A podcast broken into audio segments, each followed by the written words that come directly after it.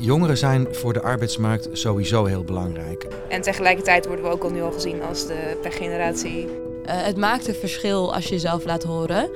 Heel vaak leefde dat beeld van, nou, jij krijgt het wel beter dan je ouders. Nou, we zien voor onze generatie is dat niet meer het geval. Dit is Impact in de Polder. Mijn naam is Marnix Sluiters en de afgelopen jaren sprak ik meer dan 100 experts over de grote uitdagingen van deze tijd. Nu breid ik mijn onderzoek uit naar de plek waar werkgevers, werknemers en onafhankelijke experts elkaar al decennia lang ontmoeten. De Sociaal-Economische Raad. Het boegbeeld van het Nederlandse poldermodel. Om ook in de toekomst verzekerd te zijn van een bloeiende samenleving, moeten de belangen van jongeren goed vertegenwoordigd worden. Gaat het wel goed met onze jongeren? De groep van pakweg 15 tot 35 jaar. Want we horen veel over problemen. Hoge studieschulden, klimaatverandering, krapte op de woningmarkt en ga zo maar door. Zijn die problemen van jongeren niet gewoon van alle tijden? En in hoeverre kunnen we spreken over één groep, de jongeren? In deze aflevering hebben we het over de positie van jongeren in de samenleving.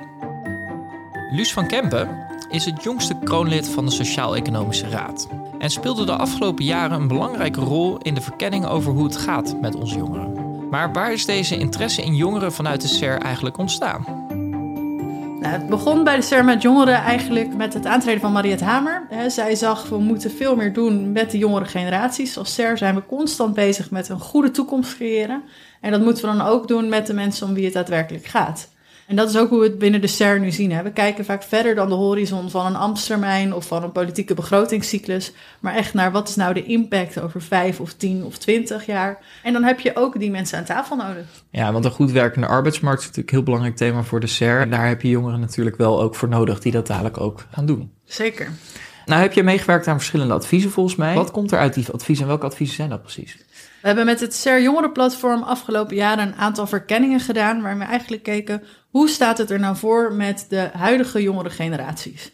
En dat deden we omdat we elke keer als je een discussie hield over wat er aan de hand is met onze generatie, dan kreeg je heel veel weerstand met ja, maar in onze tijd was het pas zwaar. En toen was er ook een woningcrisis. En jullie hebben het zo goed met je vakantievluchten overal naartoe in je mobiele telefoon. Er is niet zoveel aan de hand. Maar wij zagen dat anders. En laten we nou eens een verkenning doen naar die jonge generatie. Wat er aan de hand is op wonen. Hoe het gaat met mijlpalen, mijlpalen als een gezin starten. Maar ook hoe het met mentale gesteldheid en de arbeidsmarkt staat. En daarin zagen we eigenlijk dat we te maken hebben met een hele veerkrachtige generatie. Met niet per se een zielige generatie, maar wel met een generatie waarin we zien dat mijlpalen, dus het uit huis gaan, het hebben van je eerste baan, het starten van een gezin, steeds later plaatsvinden. En dat we zien dat het steeds meer uitmaakt waar jouw wieg heeft gestaan. Of hoe jouw sociale netwerk eruit ziet, hoe jouw omgeving eruit ziet. Met of jij aan de nou ja, goede kant of de minder goede kant van de muur belandt. Wat Lucier lijkt te zeggen, is dat onder andere de plek waar je wieg heeft gestaan. een belangrijke invloed heeft op de positie waar je staat als jongere. Hoe zit het precies? Nou, allereerst is het denk ik belangrijk als we het over generaties hebben, om je dan altijd bewust te zijn dat het verschil binnen een generatie, dus het verschil tussen mij en iemand anders uit hetzelfde geboortejaar, vaak groter is dan het verschil tussen generaties. Dus hè, het verschil met hoe ik mijn leven leid versus iemand met mijn sociaal-economische achtergrond tien jaar eerder, zal niet heel groot zijn. Maar je ziet wel dat we als generatie in het algemeen opschuiven en dat er daar dingen aan de hand zijn. Ja, je zegt dat er verschillende mijlpalen, dus van die belangrijke stappen, nu later plaatsvinden. Hebben jullie dan ook ideeën hoe je dat kan verbeteren? Zeker. En hè, wat we hebben in de verkenning een aantal suggesties gedaan. Bijvoorbeeld, kijk nou op de woningmarkt, naar hoe je meer voor starters kan bouwen of dat je het meer aantrekkelijk kan maken. We zien bijvoorbeeld op de woningmarkt dat het voor jongeren een woonquote hebben. Dus hoeveel van jouw inkomen je kwijt bent aan een dak boven je hoofd. Ver boven wat het Nibud als gezond beschouwd is. Dus het Nibud zegt boven de 40%, dat is echt onverantwoord risico wat je loopt. Nou, bij veel jongeren zagen we bijvoorbeeld in 2018 dat huurders 42,6 hadden. Of dat studenten soms op woonquotes boven de 50% uitkwamen. Dan heb je het echt wel over iets heel wezenlijks waar je mee aan de gang moet als je die stabiele toekomst voor jongeren wil creëren. Er wordt ook vaak gezegd van ja, maar wat ik net zei, vroeger was het ook heel zwaar en daar doen we ook niks aan af. Maar we zien wel voor het eerst een generatie waarop het op al die vlakken eigenlijk instabiel is. Dus en op de arbeidsmarkt, en op de woningmarkt, en studieschulden. en zorgen over het klimaat en conflicten in de wereld. En dat maakt eigenlijk dat we ook zeggen, en dat is het tweede deel van, het, van de verkenningen, van nou ja, zorg er nou voor dat als je beleid maakt voor de jongere groepen, dat je ook echt over die kokers heen kijkt. Dus niet alleen maar een studieschuldsysteem opricht om het onderwijs te kunnen financieren, maar nadenkt over, oké, maar wat betekent dat dan voor de jongeren op de woningmarkt? En wat doet dat dan voor mentale gezondheid? En, en daar zien we dat in, nou ja, vorige decennia het kind toch wel echt het kind van de rekening is geweest. Er was vrij weinig aandacht voor jongeren als generatie en sociaal-economische staat. Dat is echt wel gekenderd. Dus hè, de laatste troonredes ging het ook specifiek over jongeren. Bij de algemene beschouwing zien dat er veel meer moties worden ingediend. Als je echt even naar de politiek Haagse bubbel kijkt, is er in ieder geval meer aandacht. Kijk je dan naar wat er gerealiseerd is, dan denk ik wel dat als we heel eerlijk zijn, in ieder geval de resultaten daarvan nog niet zien. Dus hè, we zien nog steeds wachtlijsten nemen toe. Mentale gezondheid van jongeren is nog steeds niet wat we zouden willen. Woningmarkt is, wordt alleen maar lastiger voor jonge starters om op te, op te komen. Een lichtpuntje is misschien de jeugdwerkeloosheid, die vrij klein is op dit moment.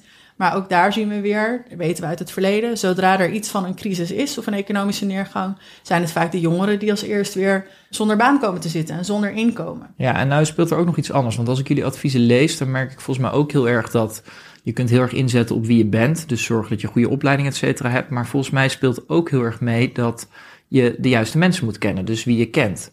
Hoe zie jij dat? Ja, nou dat, dat klopt zeker. Dat hebben we daar ook neerzetten. En we noemen dat eigenlijk of dat je naar aan de goede kant van die muur terecht kan komen. En ik weet niet hoe het met jullie zit, maar heel vaak leefde dat beeld van, nou, jij krijgt het wel beter dan je ouders. En voor vorige generaties was dat ook heel vaak zo. Hè? Als je hard je best doet, goed werkt, een diploma haalt of een mooie baan vindt en daar goed je best doet, dan is de kans groot dat je het beter krijgt dan jouw ouders. Nou, we zien voor onze generatie is dat niet meer het geval. Dat ligt niet aan die jongeren zelf, maar dat ligt veel meer aan dat het belangrijker is geworden in wat voor omgeving jij opgroeit. En dat gaat heel plat soms om laten jouw ouders jou kennis maken met bijvoorbeeld verschillende mogelijkheden voor een carrière. Helpen ze je met het huiswerk? Heb jij mensen die jou kunnen helpen aan een stage of misschien aan een baantje of een klus voor je ZZP-opdracht? Maar dat gaat ook wel breder. Ben je onderdeel van een gemeenschap? Heb jij mensen om je heen die, waar jij op terug kan vallen op het moment dat het minder goed gaat? Dus als jij bijvoorbeeld fysiek ziek bent, is er dan iemand die voor je zorgt? Of als je het mentaal wat zwaarder hebt, heb je dan een plek waar jij je veerkracht weer op kan bouwen? En ook dat zien we dat dat veel meer nou ja, afgekalfd is. En dat het dus, of dat jij succes hebt, veel meer ligt hoe die systemen eruit zien. Dan hoe hard je zelf nou echt je best hebt. Interessant. Stel, ik zou meer willen weten over hoe belangrijk dat. Ja, ik denk sociaal kapitaal zou je dit wel mogen noemen. Wat jullie ook schrijven volgens mij in, in jullie adviezen. Als ik daar meer over wil weten, waar kan ik hier uh, voor terecht? Ja, zeker. Als je echt wil weten hoe dat sociaal kapitaal er nu uitziet en wat het nou betekent, zeker ook voor jongere generaties, dan zou ik je één deurtje verder verwijzen, want daar zit het Sociaal Cultureel Planbureau. En die doen hier heel veel onderzoek naar. Eén deurtje verder dus het Sociaal Cultureel Planbureau. Een instituut dat onafhankelijk onderzoek doet naar de vraag hoe het met Nederland gaat. Om meer te weten over welke jongeren aan welke kant van de muur staan, wil ik meer weten over de ongelijkheid in Nederland. Daarom ga ik in gesprek met Kok Vrooman. Hij is een van de onderzoekers van het SCP en is hoofdauteur van het rapport Eigentijdse Ongelijkheid. Nou, we hebben dus inderdaad een brede definitie van ongelijkheid gekozen. En als je dan een heleboel indicatoren over allerlei vormen van ongelijkheid, en dus niet alleen inkomen, geld, vermogen en opleiding, maar ook uh, wat je netwerken zijn, uh, of je de juiste mensen kent, hoe het is met je gezondheid, uh, hoe je eruit ziet, of je een beetje bijvoorbeeld charmant weet te gedragen in, je contacten. Dat is allemaal bepalend voor je maatschappelijke positie. En als je die vier vormen van kapitaal, dus economisch, sociaal, cultureel en wat wij persoonskapitaal noemen, dat is de combinatie van gezondheid en aantrekkelijkheid. Wanneer je die uh, in een statistische analyse stopt, dan zie je dat Nederland een post-industriële klassenstructuur heeft. En daarbij zien we zeven klassen. En de hoogste klasse heeft veel van alles. De laagste klasse heeft weinig van alles. Als we dit nou willen oplossen, dan is toch vaak het idee om dat met allerlei economische maatregelen te doen.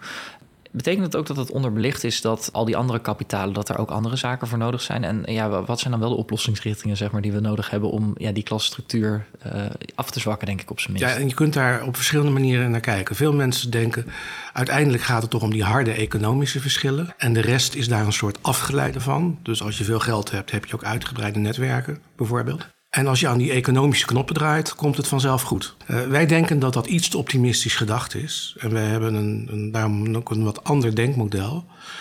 Uh, waarbij al die vormen van hulpbronnen letterlijk kapitaal zijn. En dat betekent dat ze tot op zekere hoogte in elkaar kunnen worden omgezet. Dus inderdaad, als je veel geld hebt, kun je bijvoorbeeld uh, mensen cadeautjes geven. En daardoor je netwerk uitweiden. Dat is lastiger als je weinig geld hebt. Maar het omgekeerde geldt ook. Als je over heel veel cultureel kapitaal beschikt, dan in, in de zin van uh, dat je een bepaalde levensstijl uitdraagt, dan kan dat uh, ten goede komen van bijvoorbeeld je sociale netwerken. Dus die, in, in onze benaderingen zijn die vier vormen van kapitaal met elkaar verweven.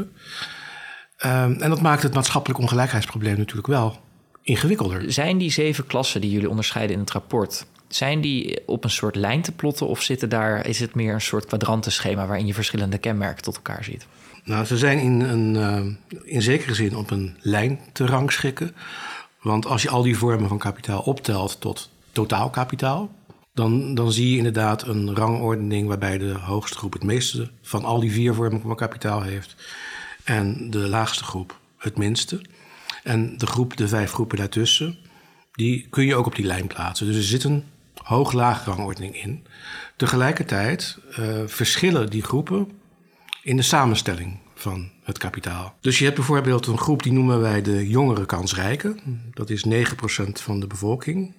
Uh, die hebben, zijn heel, heel hoog opgeleid, uh, beschikken ook in andere opzichten over veel middelen. Maar omdat ze wat jonger zijn, dat zijn jongere kansrijken, dus er zitten ook mensen bij van rond de 35, uh, hebben ze nog niet zo heel veel eigen middelen. Dus hun inkomen is laag, uh, het liquide vermogen is vaak nog niet zo hoog. En het eigen woningbezit, vaak zitten ze in een huurwoning. Nou, die groep die zit dus wel aan de bovenkant van de samenleving, maar die heeft ten opzichte van zeg maar, de klasse met het meeste kapitaal, de werkende bovenlaag, uh, missen ze net een paar elementen. Onder die jongere kansrijk hebben we een groep die noemen we de rentenierende bovenlaag. Dat zijn juist gepensioneerde mensen. Die hebben heel veel geld in de eigen woning zitten. En ook het grootste liquide vermogen. Maar die scoren dan op andere elementen weer lager dan uh, de jongere kansrijken.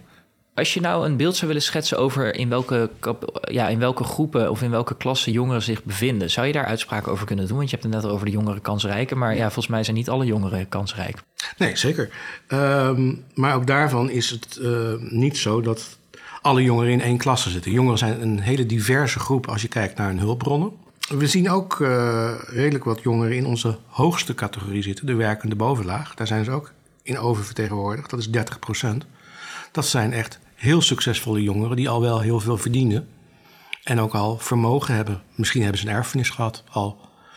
Um, je ziet ze ook in um, de, de, de, de, onze grootste groep, de werkende middengroep. Dus een behoorlijk deel van die 18 tot 34 jaar verkeert ook al in een soort middenklasse.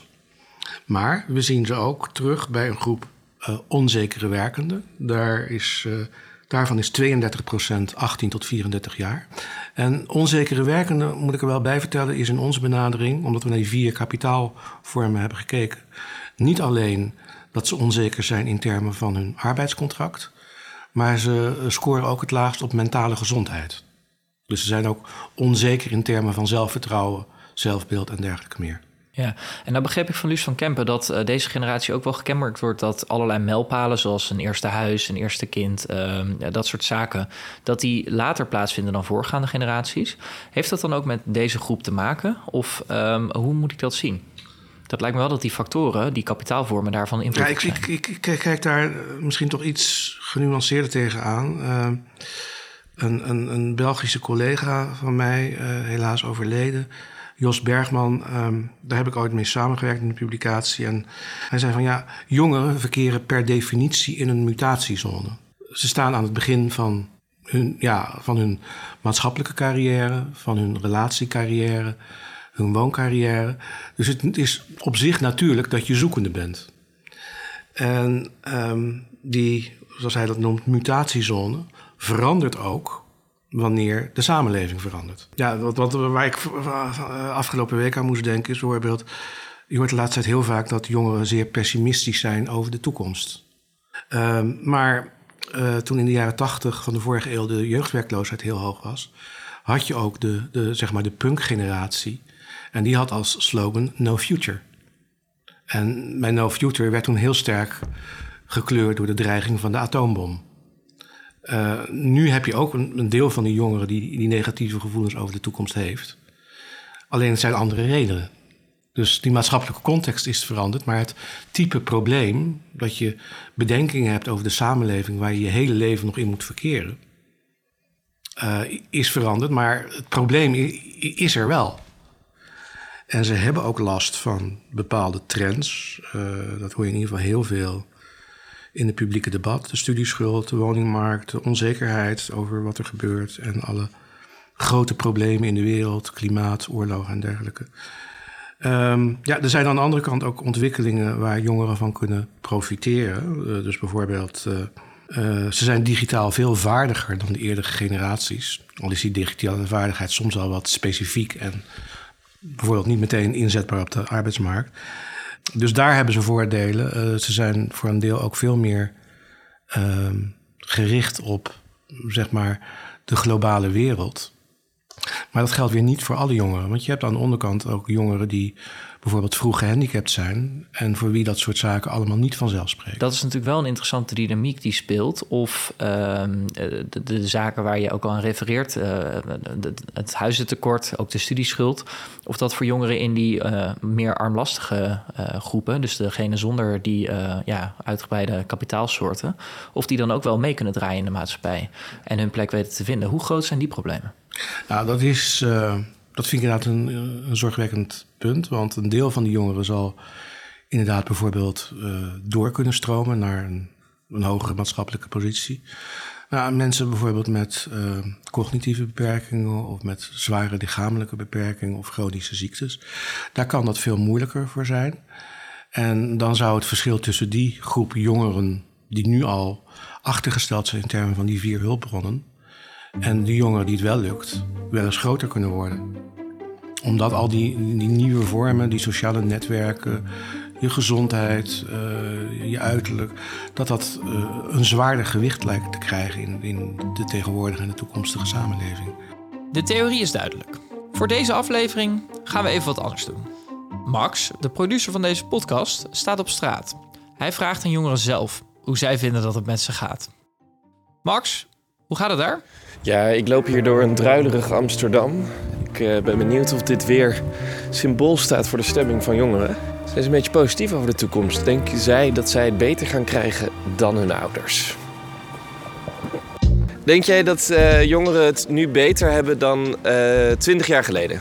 Oeh, ik denk enigszins ja, zeker. Aan de andere kant denk ik ook niet. Ik denk niet omdat er heel veel druk op jongeren wordt gelegd door docenten, door ouders, door de overheid als het gaat om studiepunten halen, leningen. Gewend dat mijn, mijn ouders, voor hun was alles een beetje duidelijk. Hoe, hoe dingen gaan werken en die, die duidelijkheid die, die bestaat niet meer. Ik denk dat er andere uh, uh, moeilijkheden op ons afkomen. Klimaatverandering is natuurlijk te groot waar ik dan aan denk. En uh, kijk naar levensstandaard voor iedereen. Iedereen heeft het prima. Het is voor de zeuren. Gaan we banaan. ik denk en, sociaal vangnet niet zo. Nee? Nee, ik denk dat dat qua pensioenen en zo dat het wel een beetje de verkeerde kant op gaat. Ik denk dat we het wel nog steeds goed gaan hebben. Maar ja, we hebben natuurlijk wel in één keer het klimaat en alles waar wij uh, nou ja, nu moeten gaan regelen. Terwijl het best wel uh, in een lastige situatie is op het moment. En tegelijkertijd worden we ook al nu al gezien als de generatie, de generatie die net tussen twee uh, stelsels invalt. Maar goed, dus die generatie die nu met pensioen gaat, is de rijkste generatie er ooit geweest doordat dat gas dat omgepompt is. En wij hebben dat nu niet meer. Wat vind je van de positie van jongeren in de samenleving nu? Gaat het goed met ze?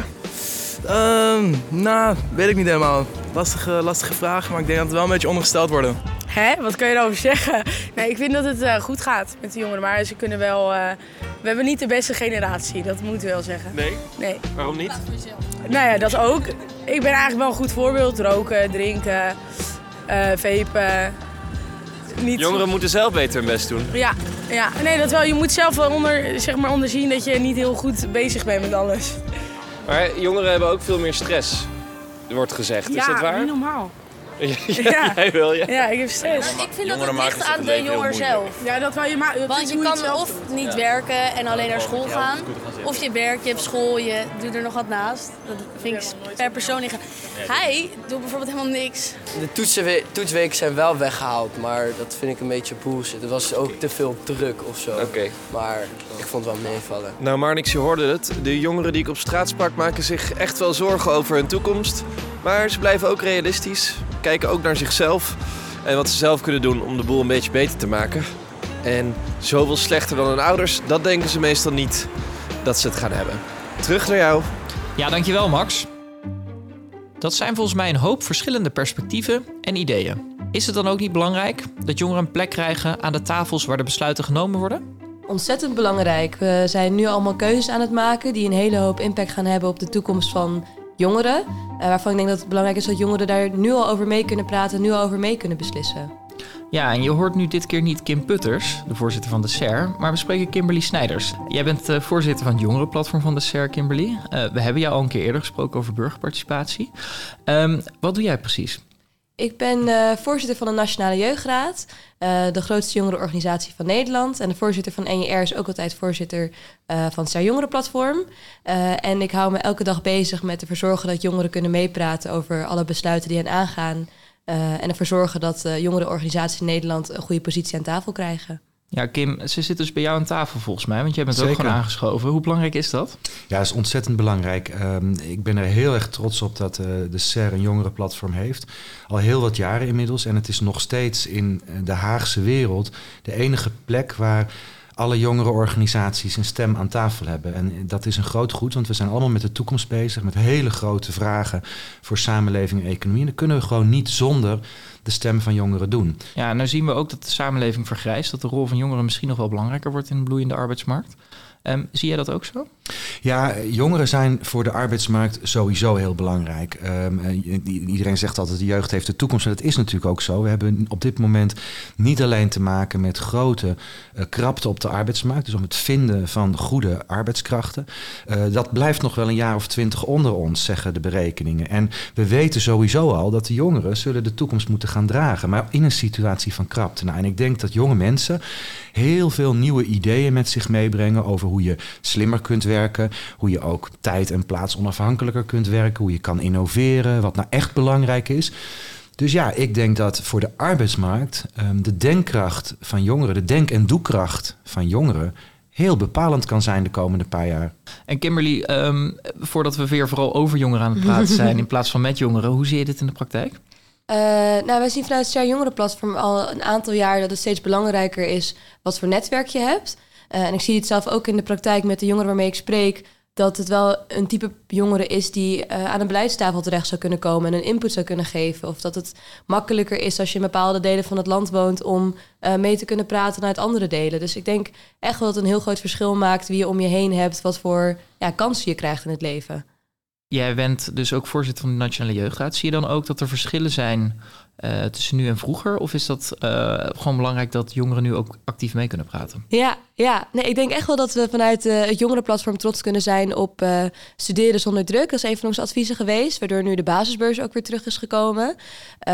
we hebben ook als jongeren de maatschappelijke diensttijd helpen vormgeven. De generatietoets is in het regeerakkoord gekomen. En zo zijn er ook wel andere voorbeelden van concrete ideeën die jongeren op tafel hebben gelegd die uiteindelijk een plekje hebben gekregen. En natuurlijk is er op alles te mits en maren. Maar ik denk dat de agenderende kracht van jongeren wel echt heel sterk is. En dat rapport van, uh, van het platform heeft echt de discussie over... Uh, nou, hoe, hoe hebben jongeren het nu eigenlijk in onze tijd? Het heeft het echt op de agenda gezet.